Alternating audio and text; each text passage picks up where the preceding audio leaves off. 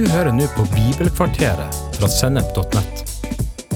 Bibelkvarteret er én kvarters påfyll i hverdagen fra Guds ord, både til inspirasjon og introduksjon til viktige temaer i Bibelen. Du vil også finne mer stoff på Sennep.nett som gir deg inspirasjon til å følge Jesus i hverdagen. Følg oss på Facebook og Instagram, og abonner på våre podkaster i Spotify, iTunes, Google Podkast, YouTube eller i den podkastappen som du bruker. I dag skal vi snakke sammen om vår relasjon til Gud, og særlig om vår relasjon til Guds ord. Jeg har lyst til at vi skal begynne å lese noen vers fra Johannes kapittel 15. Og vi skal lese vers 5. Der sier Jesus, Jeg er vintreet, dere er greinene. Den som blir i meg, og jeg i ham, bærer mye frukt, for uten meg kan dere ingenting gjøre. Jeg er vintreet, dere er greinene. Uten meg kan dere ingenting gjøre. Du vet, I det naturlige så er det jo sånn at en grein må være koblet til et tre. Den eh, får eh, næring og sevje som trekkes fra jordsmonnet opp gjennom røttene, opp gjennom stammen, og så går det ut til greinene. En grein som kuttes av et tre, det er bare et tidsspørsmål før den visner og dør. Og sånn er det òg for oss i vår vandring som kristne, at vi er greiner på Jesus. Og uten han kan vi ingenting gjøre. Ja, uten han dør vi. Vi er avhengige av han. Vi er greiner på han. Faktisk så kan vi si det sånn at Jesus er den eneste som kan leve det kristne livet. Hva mener jeg med det? Jo, Galaterbrevet 2,20 sier at 'jeg lever ikke lenger selv, men Kristus lever i meg'. Det er når Kristus lever i oss, at vi kan leve som kristne. Det er ikke i oss sjøl at vi har ressursene til det. Og Derfor sier Jesus i Johannes 15 at vi må bli i Han. Bli i meg, sier han. Og det handler om å pleie en relasjon til Han. Eh, drikke av Den hellige ånd. Be. Være i Guds ord. Så vil du kanskje tenke at ja, dette, dette er, så sant, og så er det litt sånn ABC. Jeg mener, Er det noe vi har hørt eh, hvis, hvis vi har vokst opp i en menighetssammenheng, eller hvis vi har vært i en menighet noe tid, det er jo det at å lese i Bibelen er viktig, be er viktig, andaktslivet vårt er viktig. Vi må holde oss nær til Jesus. Det er liksom noe vi vet. Akkurat nå så er det sånn at eh, russiske styrker står på grensen til Ukraina. Store styrker. Og det er jo sånn at Russland er mye sterkere enn Ukraina. Besitter mye større ressurser. De, de er en militær stormakt og eh, vil kunne beseire Ukraina.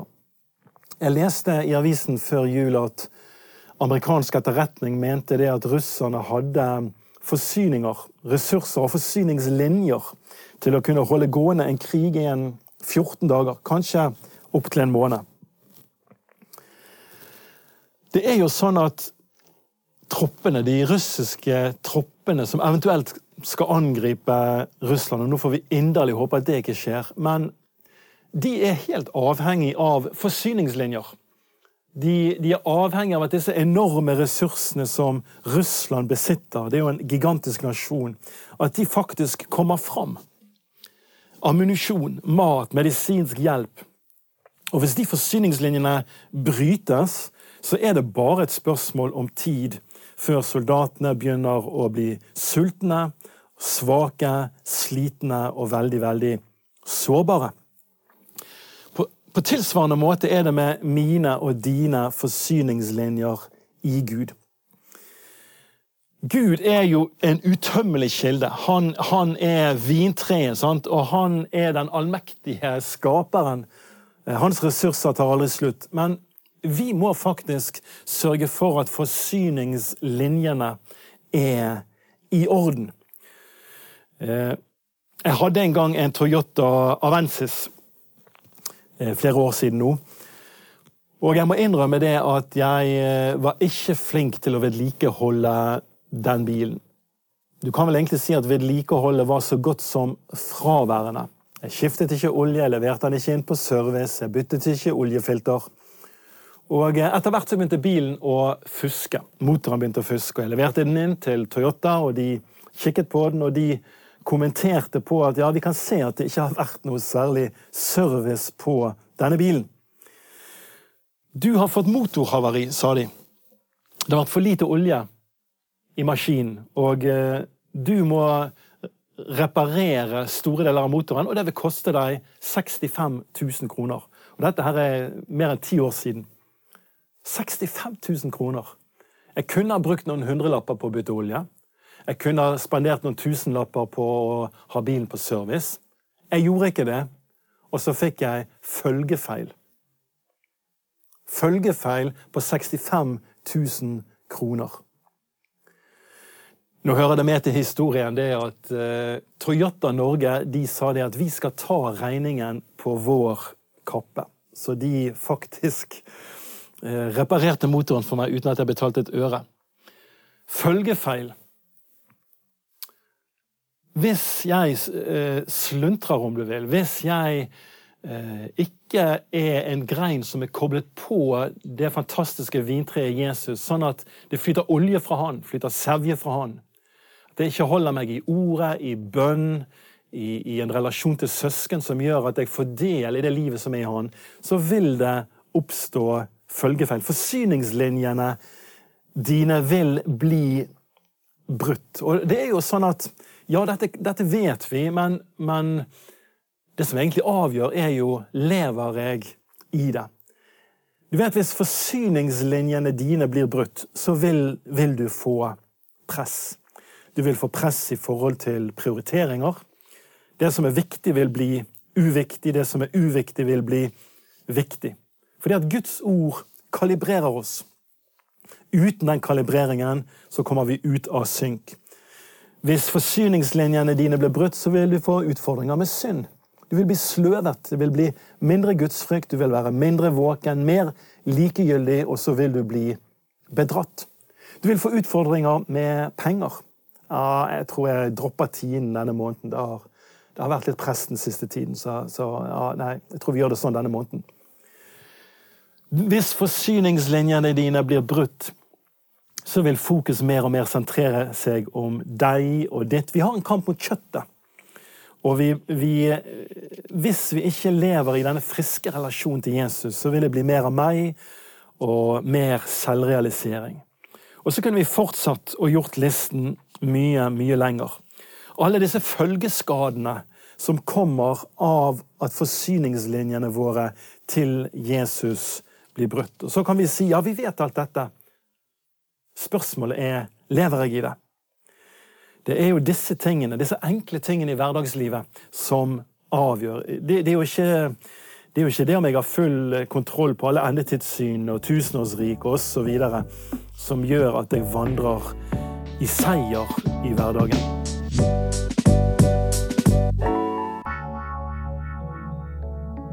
Så er det jo sånn at alt er av nåde. Det er 100% nåde. Som sagt, vi er greiner på Jesus, og det er treet som bærer greinene, ikke omvendt. Det er stammen som gir liv til greinene ikke omvendt. Så alt er av nåde. Alt handler om dette livet som flyter i Han. Men så er det sånn at nåde betyr ikke passivitet. Nåde betyr ikke at Gud møter meg uansett på mine premisser. Gud har plassert nåden en plass. Han har plassert denne nåden i Jesus. Og så har han gitt oss noen nådemidler. Jeg vet ikke om du har hørt det begrepet. Nådemiddel. Guds ord er et nådemiddel. Du vet, Guds ord er ikke svart blekk på hvitt papir. Bibelen sier at Jesus er ordet. Så når jeg åpner Bibelen og leser om han, hvis jeg er født på ny, og Den hellige ånd bor i meg, så vil Den hellige ånd gjøre det ordet levende jeg møter Jesus i ordet, så blir ordet et nådemiddel. Det blir den plassen der jeg får møte Jesus. Gud har plassert denne nåden I ordet der jeg møter Jesus. Og Derfor sier Jesus i det samme avsnittet som vi begynte å lese, i Johannes 15, 7, så sier han at hvis dere blir i meg, og mine ord blir i dere, da be om hva dere vil, og dere skal få det. Så hvis vi blir i Han, og Hans ord blir i oss, da kan vi be om hva vi vil, og vi skal få det. Så Det vil si at det er et løfte som jeg ikke bare kan, kan claime sånn uten videre. Spørsmålet er holder jeg meg i Han? Holder jeg meg i Han gjennom ordet? Blir ordet i meg? Holder jeg meg til Jesus gjennom bønn, gjennom fellesskap med søsken? Posisjonerer jeg meg på den plassen der Hans nåde flyter? Sørger jeg for at forsyningslinjene blir ubrutt? Så ja, det er nåde, og samtidig så må jeg plassere meg sjøl der den nåden flyter. På samme måte så sier han at hvis dere holder mine bud, blir dere i min kjærlighet. Du skjønner, Jesus gir bud. Han har sagt at vi skal lære nye disipler å holde alt han har befalt oss. Han gir befalinger. Nå, hva er hans bud i Johannes 15? Jo, i vers 12 sier han, og dette er mitt bud, dere skal elske hverandre som jeg har elsket dere. Så hans bud er at vi skal elske hverandre. Det ordet 'hverandre' finner du om lag 100 ganger i Det nye testamentet. Hverandre, mine søsken, fellesskapet. Og Gud vil at jeg skal posisjonere meg på en sånn måte at jeg lever mitt liv i det søskenfellesskapet, for der flyter Hans nåde. Og at jeg skal elske mine søsken og bli elsket av mine søsken. Du, du skjønner, denne nåden som han har, disse forsyningslinjene flyter ikke bare direkte fra Gud til meg, men de flyter gjennom mine søsken. Så jeg må sørge for at forsyningslinjen min er åpen og opprettholdt i forhold til mine søsken. Jeg må posisjonere meg i fellesskapet, i dette fellesskapet av hverandre, der jeg elsker og blir elsket, og der flyter Hans nåde. Da holder jeg meg i Hans kjærlighet. Så Gud og Guds ord vil hjelpe deg på alle områder av livet. Guds ord er mat, sier Bibelen. Vi lever ikke bare av brød alene, men av hvert ord som går ut av Guds munn. Guds ord hjelper oss til å stå mot fristelse. Salme 119, vers 9 og vers 11 sier Hvordan holder den unge stien ren? Ved å ta vare på dine ord. Jeg gjemmer ditt ord i hjertet så jeg ikke skal synde mot deg. Du vokser i hellighet og Kristuslikhet gjennom å holde deg i ordet. Guds ord vil hjelpe deg til å stå i den kampen som er i sinnet. Du vet, Hver dag så kommer det tusenvis av tanker mot oss. Jeg trenger å sile ut hvilke tanker som er Guds tanker, og hvilke tanker som er nedbrytende tanker. Ordet vil hjelpe meg til det. Helt til slutt La meg gi deg noen praktiske tips. Jeg vil anbefale deg å ha en plan. Ha en bibelleseplan. Er dere småbarnsforeldre, så vil jeg anbefale dere å snakke sammen, bli enige om hvordan dere kan frigjøre tid i en travel fase av livet, sånn at begge to kan få tid i ord og tid i bønn. Når du leser, be om åpenbaring. Snakk med Gud mens du leser. Gud, hvordan hvordan anvendes dette i livet mitt? Gud, la dette, denne sannheten som jeg leser om nå, bli en del av livet mitt. Jeg vil også anbefale deg noen ganger å ta tid å lese sakte i Bibelen. Lese og tenke på, grunne på det du leser. Hvor, hvordan det relaterer seg til ditt liv. Hva er det Gud egentlig sier?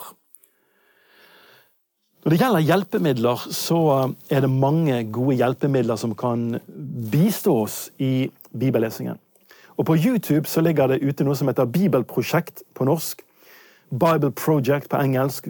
Så søker i søkefeltet på de ordene, så får du opp noen korte snutter på en syv, åtte, ni minutter som, som, hjelper deg med å få den røde tråden i Bibelens bøker. Jeg har funnet uh, det veldig nyttig.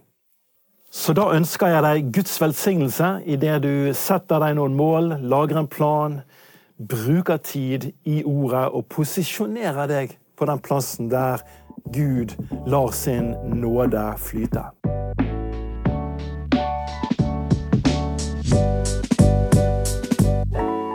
Du har hørt en episode fra Bibelkvarteret på sennep.nett. Du vil også finne mer stoff på sennep.nett som gir deg inspirasjon til å følge Jesus i hverdagen. Innholdet på Sennep er gratis og tilgjengelig for alle, takket være økonomisk støtte fra kristent nettverk, menigheter og enkeltpersoner. Du kan også hjelpe oss ved å be for oss at vi skal forkynne ordet med frimodighet. Ved å dele innholdet vårt med venner og bekjente. Ved å rate podkastene våre på iTunes eller i podkastappen som du bruker. Eller ved å gi en engangsgave på VIPS. VIPS nummer 54 66 68. Takk for at du lytter til sennep.nett. Hvorfor var det viktig for deg med bibelskolen? For meg var det helt vesentlig for, å få en dypere forståelse av Bibelen, og liksom hvordan å la, eh, la Guds ord komme til uttrykk i, i praksis i mitt liv. da. Hei sann, jeg heter Mats, jeg er 22 år gammel og jeg er elev ved Bergen bibelskole. For meg har denne muligheten til å sette av et helt år dedikert til å fordype meg i troen min vært livsforvandlende. Jeg har fått en så mye bredere forståelse av Bibelen som grunnlag for livet mitt, og jeg har fått se hvordan Guds ord er med på å forandre liv både i og utenfor klassen. I am Jessamine Orbia, 28 years old. I joined in a Bible school because the Holy Spirit called me, and God has a purpose in my life. In a Bible school, I learned a lot from my teachers and my classmates. All the questions that I wondering was been answered. A lot of testimony from my teachers and my classmates. And this is amazing. Store deler av skoleåret skjer utenfor klasserommet, og vi får utfordre grensene våre gjennom gateevangelisering, hvor vi går ut på gaten for å dele evangeliet, og gjennom praksisreiser som skolen tilbyr. Vi har to praksisturer, en innenlands og en utenlands, hvor vi får reise rundt i mindre team og bidra i tjeneste i forskjellige menighetsarbeid. And we go to the street to evangelize, to share the gospel of God, and to heal those people need healing. And this is fantastic. Det er fortsatt ledige plasser. Du kan søke nå på bergenbibelskole.no.